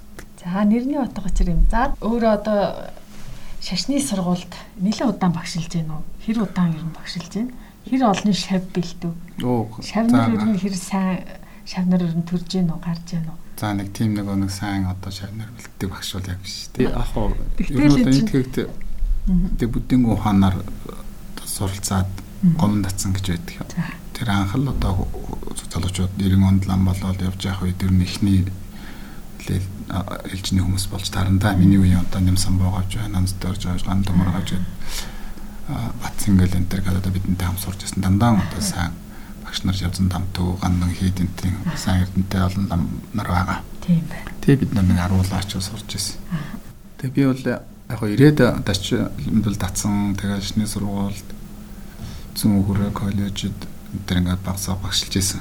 Тэгээ би удахгүй нэг 2 жилийн дараа ч юм уу юу яасан гандан гэдэг нэг өдөртөх зөвлөлийн ажлыг хийдэг бол тэгэнгүүт нэг хичээл заах биш яг хичээл заадаг боловч нэг гадагшаа явчихна ингээл орон нутагт ингээл нэг өөр ажилд болохоор нэг хичээлүүдэд дандаа цаг цагтан заримдаа орж чадахгүй Тэгээ би бол нэг багш их багшлаагүй. Тийм голдууд тэр нөгөө нэг өдөртөх ажил юм да. Одоо тэрийг л жоохон 10 гаруй жил хийсэн байдаг. Сүүлийн нэг 4 5 жил бол харин би тэр ажлаа хүн дөрөөд жоохон онлайнаар хичээл заах хүмүүс тэр орж байгаа хүүхдүүд. За нэг сайн шамаа бэлд гэсэн гэхдээ хэцүү зөвхөн чанар байдгийг. Аа. Тийм би э, шав болъё гэдээ ирдэг юм аа. Одоо би сайн багш байж чадахгүй өөр сайн багшийг сонгосон дээрээ л гэж хэлдэг. Одоо бид нар ингээд буддийн шашнаа, нэг шашнаа судална гэж тэнгүүл хүмүүс боддог л доо. Өө өстө баг бүтэн амьдралынхаа туршид л ингээд суралцаад л яваад байх их урдаан хугацааны тэгээд одоо драматай гэж зарим хүмүүс хэлээд байдаг тийм. За яг яг нөгөө нэг зан үйлтэйгээ холбож нэг юм хийчихэл тэгэл ингээд яваад байдаг. Тэгээд ер нь бол энэ маань тийм удаан хугацааны одоо зүйл шаардсан, удаан хугацааг шаардсан юм зүйл байдаг юм уу? Юу гэж тайлбарлах вэ энэ дээр? Зарим хүмүүс тэгдэг шүү дээ. Тэгээд одоо жишээлбэл баруун чал өөр ингэж хүмүүс ойлголтод шал өөр яваад байдаг. Манайхан болохоор аа мэдгүй битгүй төвд мөвд энэ төр хэл сурах хэрэгтэй шиг байна гэж үзээд байдаг. Тий яг ер нь буддийн мэдлэг ухааны бүгдийн суралцыг гэвэл ч хүн нэг насаа зориулаад барахдахгүй их зүйлтэй нь бол маш их гүн гүнзгий маш их хөргөн маш их ном байна шүү дээ. Тийм учраас энэ бүгдийг одоо зүгээр л мэдлэгийн хэмжээнд л авъя гэхтэл одоо амаргүй их цаг хугацаа зарцуулна. Мэдээлэлтүүдийн түүнийг цуглуулъя гэхтэл одоо дэлцэшгүй. Аа тийм байна. Аа хэрэгжүүлэх гэх юм бол заавал бүгдийг одоо хэрэгжүүлэх гэхээс илүүтэйгээр тэр өөрөө жижигхэн тусал төдийг аваа хэрэгжүүлсэн ч л хүнд хэрэг болдог зүйл байхгүй. Тийм учраас э, өөрөө номныхон зорилго нь хүнийг мэдлэгтэй болгох гэхээс илүү тэр мэдлэг өөрөө хүнд өөрөө амьд мэдлэг болж хэрэгжиж яадаг зүйл учраас хэрэгжүүлэхэд бол боломжтой. Жохон зүйлийг аваад тэрийг хэрэгжүүлэхэд тэр өөрт хэрэгтэй юм байгаа. Тэгэхээр заавал одоо айхтар их цаг хугацаа зарах юм байна. Хүнд хэцүү юм байна. Ямар нэг сургууль төгсөх гээгүй шүү дээ. Өнөөдөр өөрийнхөө амьдралд нэг зөв дадалтай болчих. Зөв сэтгэдэг болчих юмд зөв хандлагатай болчих. Тэгэхэд чинь буддизм танд туслана. Гэсэн үг. Тэгэхээр тэр суралцж байгаа хүмүүсээс заалгаж болно. Өөрөө улам дэвшээд одоо бас төгтгөл энэ төр судалж болно. Заавал төгтгөлөөр биш тэр судалгааны төвшөнд юм хийх гээд байгаа биш шүү дээ. Өөрийнхөө сэтгэлд юм хийх гээд байгаагийн тулд нэг сайхан сургаал өгөртөл хүн зөв аваалынхаа мөн сэтгэл тусан шүү дээ. Тэгэхээр одоо ингээд сүүлийн үед одоо жоохон нэг сөрөг юм ярих гэдэг л да. Коронавирус, ковид гэл ингээл бид нар маань дэлхийн нийтээр ингээл баг 2 баг 3 жил шахуул ер нь л донсолж байна тий. Тэгээд энэ одоо их үе төмөрөө хүмүүс амьд маань өвдөж байна, зовж байна, зарим нь одоо амнасаа хүртэл алдаж байна. Тэгээд энэ одоо бидний хүмүүсийн өөрсдийнх нь одоо муу үүлийн үр юм болов юу юм болов юу гэж та хэлэх үн дээр? Тэгээ ер нь үйллийн үүртэй холбоотой л да. Альва юм бол үйл үйл үйл үүртэй заавал холбоотой. Карма тий. Ямар ч гэсэн энэ одоо өвчнөр нас барах тэгэл хүн төрлөختөн одоо ингэж бүгдээрээ сандралд орох гэдэг бол гів гинтхэн тийм гараад ирсэн зүйл өөрөөсөө биш. Энэ хин ямар нэгэн одоо хараад тэнгэр бурхны хараа алж биш. Энэ ерөөсөө хүмүүсийн өөрсдийн үйл үйлдэлээс гарч байгаа бид өөрсдөө хийсэн үйлээ л эдэлж байгаа хэрэг. Тэгэхээр урд төрөлтөө хийсэн нуудаж байгаа энэ одоо хийж байгаа зүйл бас хүн дөвлөгтний томоор нь ингээд аваад үзэх юм бол бас бид нар амт ан амтанд одоо хайргүй хандсан. Тэдгэрийг одоо заавал шаардлагагүй зүйл амтныг одоо идэх бүр ихээр нолноор нь алдсан. Эсвэл янз бүрийн одоо байгалаа бохирдуулсан. Амтныг элдв янзын туршилтад оруулсан. За янз бүрийн одоо бизнес мөнгөний сэтгэлгээгээр вирус гаргасан. Юм тэрэг хийх гэж одоо дуршилтлага хийгээл нэг зовоож байгаа. Энэ төр энэ юм хитрээд ирсэн үед гарсан байж болно. За амтнд ч гэсэн хорол хөнөөл их үргээд байхаар тэр амтнуудаас тодорхой хэмжээний сөрөг тэр олон амтныг өргөж бид нар болон шахаж штт. Тэдний дуртай хөнөөж байна. Тэдний одоо бүхэл амардаг орчны энэ бол эзэлж байна далайн эргээр хүртлэн бүгд амрал очичдаг тэр дельфинүүд тэр загаснууд гараад их цаг хугацаа ятмалхийг гарах боломж өгч болохгүй байгааг нь одоо харагдаж шít. Сайн ингээд ковид бас бий болчихтойгоо зэрэг сансраас авч байгаа зураг дээр дэлхий ямар гоё зэнгэр харагдаж байна. Далайн эргүүдээр маш олон гоё амьтдууд бүгд гарч ирж байна. Загас зарах жарахаа хүрт гарч байна. Зүгээр энгийн жишээ Монгол оронд хүртэл хөдөөгөр ингээд амраад ишээ тийшээ тахилдаад байдаг гэсэн бол тодорхой хэмжээнд хязгаарлаад хөдөөгөө зэрэг сайхан үүснөгөө ургасан байна. Янз бүрийн цэцэг цэцэгнүүд ургадгүй цэцгүүд хүртэл ургасан байна шүү дээ. Одоо манай багшийн хийдэг нэг тэнд хүртэл ингээд могоо нэр харагддаг явж явах жишээт. Тэгэхээр энэ хүмүүс өөрсдөө тэр бусдад боломж олохгүй дээ. Амтнд нэг л дэлхий дээр хамт амьдарч байгаа хүмүүс амтндаа. Тэгэхээр тэр бүгдийн сөрөг юм бас бидэнд нөлөөлж магадгүй нэг талдаа эцэрхий даацсан ихсээд байгаа болвол бас цөөлөх байгалийн юу явагдаж дээ. Ер нь 8 9 жил болоод бэлчээрээ даахад тэрхэр зуд болол тэгэл нөгөөдөл буцаал бордоо болох хэмжээнд л өөрчлөлт ордог шүү дээ. Байгууллагууд тэрийг тэмцэржүүлдэг. Магадгүй хүмүүс хэд ячаал нэгсээд хэтэрхий одоо сэтгэл санаа үйлдэл нь буруудад ирэхдээ зэрэг тэрийг бас тодорхой хэмжээний тогтворж уул тэмцэржүүлж явж байна гэж үзэж болно карматай нь одоо дуулаад. Тий. Аа яг зохиомлоор бас ингээд вирус боддоор тайлбарж бас болно. Шинжлэх ухаан хит хөгж чад. Шинжлэх ухаанчаар тайлбарж бас ийм вирус ингээд энэ ингээд ийм уралд ороод ингээд өөр хэсүүтэйгээ нийлээд ингэж байгаа юм одоо гэл яг хуу тэрийг бол хүн бүхэн л бүгдээрээ л интернетс бол уншиж байгаа шүү дээ. Карметласаа яаж юунэ гэдгийг э, хэлж гэнэ үү? Тий. Тий. гэдэг нь бас нэг тайлбар тий. Нэг зарим нэг хүмүүсийн тэр одоо гадны оронд бас гарч байгаа үйлдэлүүд гарч илээсэн л да. Бурхан хаана байгаа юм бэ? Бурхан хайчсан байсан юм уу гэдэг.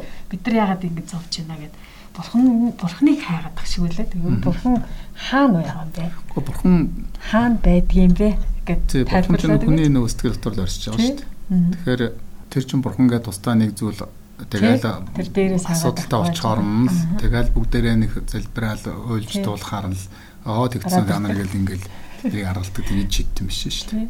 Тийм учраас бурхан хаана байгаа юм бэ гэдэг чинь өөрөөсөө бидний зүрх сэтгэл өөрөө нөгөө нэг хүмүүнлэг инэрэнгүү аливаа тогтвортой байж чаддаг ухаан маань хаана байна вэ? Гэсэн л нэгэл тэрийг л асуух хэрэгтэй байхгүй юу? Бидний нөх хүнлэг инэрэнгүй сэтгэл маань хаана бид нар аливаа юмсыг тогтвортой тэнцвэртэй байлгаж чаддаг ухаан маань хаа байна бурхан байна гэхээс илүү тэгж асуух хэрэгтэй байхгүй тэр хүмүүс.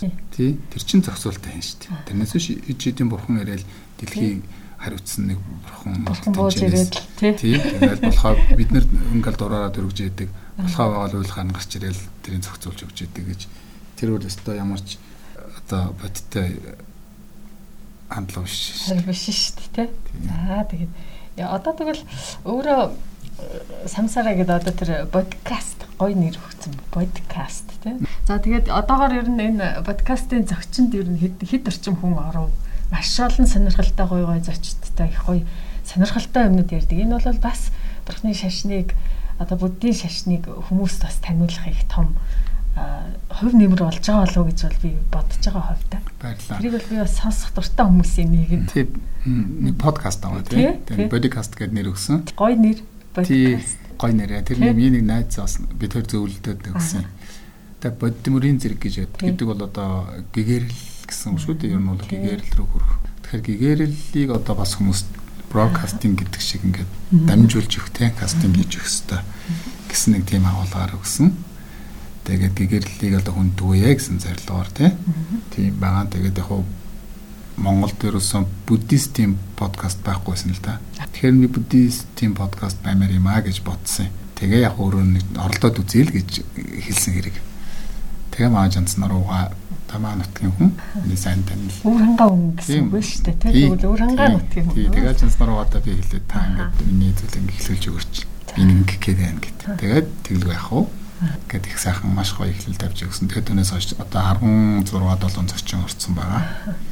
Тэгээд энэ төв, философи, тэгээд одоо нэртэй эрдэмтэн, зохиолч, зураач, дуучин гоё зочид ордог.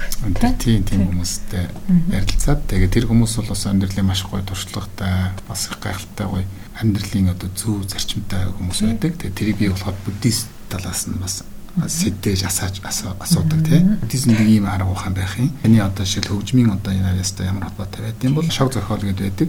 Тэгэхээр шог зохиол гэдэг бол маш чөлөөтэйгээр юмыг бол ингэж одоо нийгэм засах гэж байдаг. А тэгтэл буддийн одоо ном зохиол төр бас нэг иймэрхүү арга барил байж их юм. Тэгэхээр энэ хоёрын талаар та юу гэж бодож байна гих маягаар ингэ ярилцдаг. Тий, тэр бол их гоё. Хэрвээ та одоо өөр хэрвээ мэрэгжлийн хүн байх байсан бол ямар мэрэгчлээ хүн байх байсан бэ? Гэхдээ би ингэж боддیں۔ Зүгээр л тоглож ярьж байгаа. А би айгүй сайн орлоготой илүү их одоо а тийм мэрэгчлээ дуртай хүн байх байсан бол косметик хагалгаа хэлдэг шүү дээ. Тийм. Хүн байсан байх бол гэж зүгээр ингээд бодсон. Яг тэр би ингээ юм ингээ нэг нарийнх ингээ айгүй гой зүсээд буцаагаад тэр зүйлийг ингээд ингээд ойж цэвэрхэн болгочих ингээд нэг нэг юмыг ингээ нэг зүсэж жагаад тэгээд тэр ингээд засах гоё болох болох энэ тэр юмнууд их дуртай. Одоо нэг ингээд лам найз нарынхаа үсийг авсан ч гэсэн би ингээд бүр гурвал ингээд суулгачаад зэрэг гэлс ингээд авчдаг ч юм уу надаар ахуулахдаа ингээд айгүй гоо зөөлхөн мөртөөсөн гоё авч гин. Гэх нэг юм юмыг эсгэх тэгээд тэрийг буцаагаад гоё хэлбэрт оруулах энэ тэр тийм юм надад дуртай байдаг. Тэг амжилттай болддог. Тэгээ би бод зүгээр л бодоод нөгөө найзтайгаа ярьд. Би хэрвээ тийм яг одоо үед л штэ тэр үед бол тийм байдаггүй штэ яг юм гоё косметик хаалга хийдэг юмч байсан бол би өөрөөсөө маш хурд хурдан гоё гоё болгоод аяа даас цэмбэр болгоод тэгэл тав хойлоо гэж за тэгээд подкастын одоо зочдын хувьд бол ийм байдаг тий. За хэрвээ та өөр мэрэгжилтэй хүн байх байсан бол маш гоё бас мэрэгжилтэй хүн байх байсан байна. Одоо хамгийн эрэлт хэрэгцээ ихтэй ажил мэрэгжлийн хүн байх гэж гэдэлээ. Тэгтээ маш гоё Аа тэгээд одоо хоёулагийн ярилцлага маань ингээд өндөрлөх цаг маань болсон байна. Тэгээд эцэст нь би одоо асууя л да. Эхлээд мэдээж аз жаргалтай хүн байхын тулд яах юм бэ гэд түрүүн би асуусан. За тэгвэл одоо яг энэ мөчөөс эхлээд би хэрвээ аз жаргалтай хүн байя, зөв хүн байя гэвэл яг юуг би амьдралаасаа хорих ёстой, авч хаях вэ? Яг энэ хүчээс эхлээд хэрвээ би аз жаргалтай зөв хүн байя гэх юм бол өөдрөг хүн байя гэх юм бол яг юунаас эхэлж юуг яг одооноос би болох ёстой вэ? Ер нь бол аливаа нэг өөрчлөлийг ивэл мэдээлжүүл гэдэг те мэдээлж өгөх хэрэгтэй.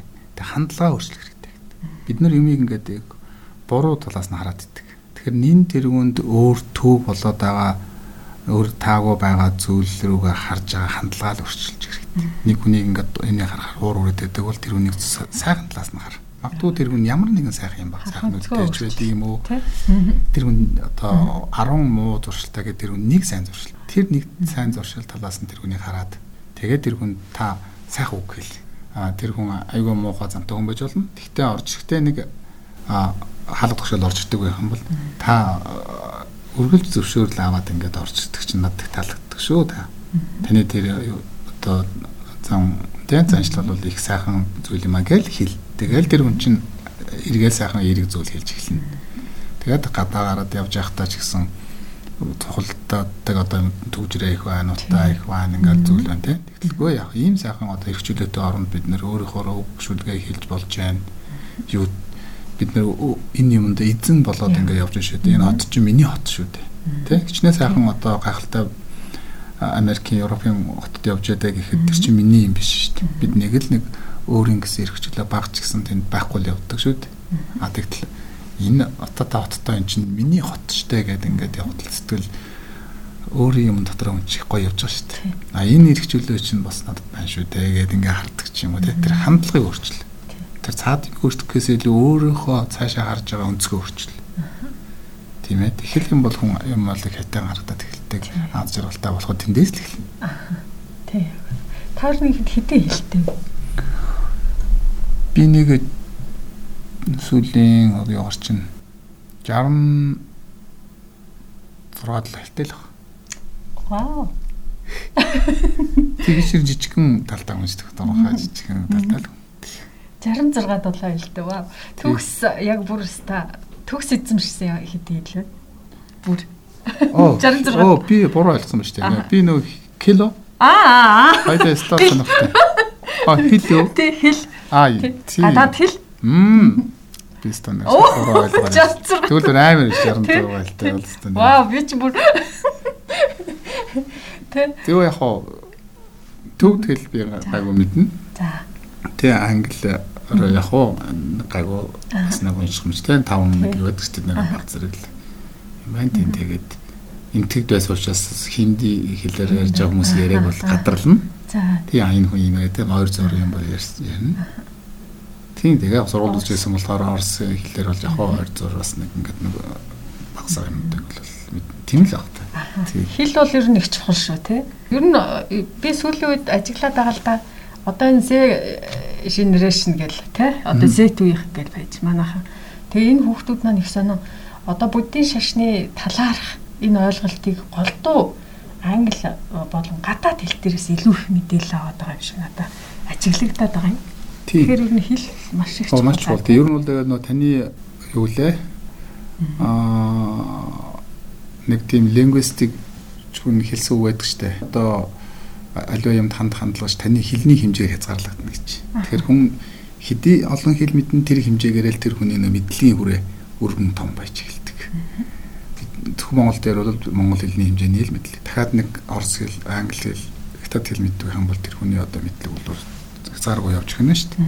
Хязгаарлагдана гэсэн үг байдаг. Таны хэлнийх нь чинь одоо хүрээ хязгаарлагдана шүү дээ. Таны мэдлэг. Тийм болохоор бол маш чухал. За тэгээд нөгөө тал дээр бол одоо бас англи хэл дээр байгаа энэ мэдээллийг өөр мэдээллийн 900 гэж хэлж байгаа. Мэдээлэл авахд их амар байдаг тал байна л да. Англи хэл дээр. Одоо миний мэдхээр бичээд яхад тэр яг тэр хайж байгаа зүйл нь өөрөө гарч ирдэг. А манай Монгол болохоор ингээд мэдээллүүдийн нэг зэгцтэй системтэй болгоогүй байдаг юм аашаа.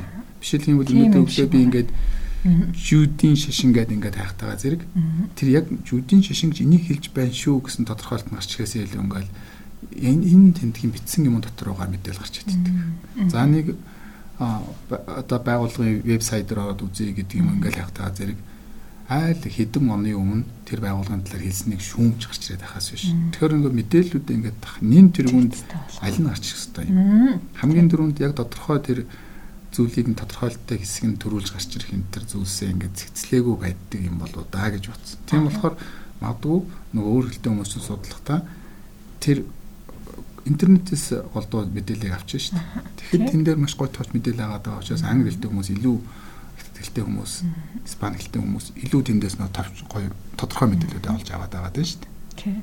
Тийм, тийм тал байгаа гэж. За одоо хоёлаа нэвтрүүлэг маань өндөрлөх цаг болж байна. Тэгээд ингээд хамгийн сүүлд нь та өнөөдөр өөдрөг байхын тулд, эрэг байхын тулд за хүмүүсийг нэг сэтгэлээг нь сайхан өөдрөг болгох нэг сайхан үг хэлээ. Таны ер нь хамгийн дуртай хэлэх дуртай өөдрөг эрэг байхын тулд өөрийгөө бас мотивацчлахын тулд хэлдэг ямар үг байдаг вэ? Тийм, би ч өөр сайн мэдгүй. Зөв нэг шабэдийн тэрэлдэг гэжсэн та. Нэг сайхан үг байна та. Ой, болно доо. Тэгээ болно шүү дээ гэж хэлээд. Тэр чинь их гоё байдаг. Би өөр анзаар тийм тэгэхээр бол тэгж хэлдэг юм байна. А бас тэгж боддог болохоор л дэрийг хэлдэг байх тийм. Тэр нь бол алаа юм. Ерөөсөө нөгөө never give up гэдэг дээ. Битгий бууж үг тийм. Тэр битгий бууж гэдэг нь тэмцэлт гэсэн үг шүү дээ. Тийм. А тэр өөрийнхөө хийх гэсэн бүтээх гэсэн зүйлээ өргөлж санжээ бодож байна. Энэ нь бол бясалгалж гэсэн тэр шүү дээ. Шууд бясалгалж хийж чадахгүй. А одоо уран нуграач хүн ч байт юм уу одоо сайхан канке юугаар одоо тишүүрээр гулгадаг ч хүн байт юм а тэр шууд уулгаж чадахгүй шүү дээ оролдох юм бол тэргүнд гайхалтай гоё одоо нуурч чадах, булгаж чадах. Одоо ямар ч спорт бай, урлагийн юмтай амар гоё дуулж чадах боломж байна. Гэтэ эхний алхмаар хизээж тэр бүтдэггүй шүү дээ. Түүнтэй адилхан бидний хийх гээд байгаа юм бол ерөөс ихний алхмаар ихний магадгүй 10 алхмаарч болохгүй баг. Тэгтэл тэр 11 дхийгээл хийх хэрэгтэй. Ер нь аливаа хүн бол нэг юм 21 хоног хийхдээ дараа нь хийж чаддаг болдог гэж байна шүү дээ. 21 хоног л төвччих. гэж байгаа. Аливаа юм 21 удаа л болчих. Тэрнээс хойш болохгүй бол магадгүй бас авиасгүйч байж магадгүй. Аа тийм байна. Тэгэхээр ерөөсөө л 21 удаа л оролт. Тэрний дараа шийдвэрээ гаргаарай л гэж хэлээд байдаг. Зөвхөн гоё гоё зүйл хэлж өглөө. За ингээд э, манай Игэл радио 91.1-ийн өдрөг өглөөний зочинд маань за оролцсон зочны минь яриа. За хүмүүсийг минь өөдрөг эерэг сайн сайхан зүйлд уриалсан. За бас ухааруулсан сайхан ярилцлага байлаа.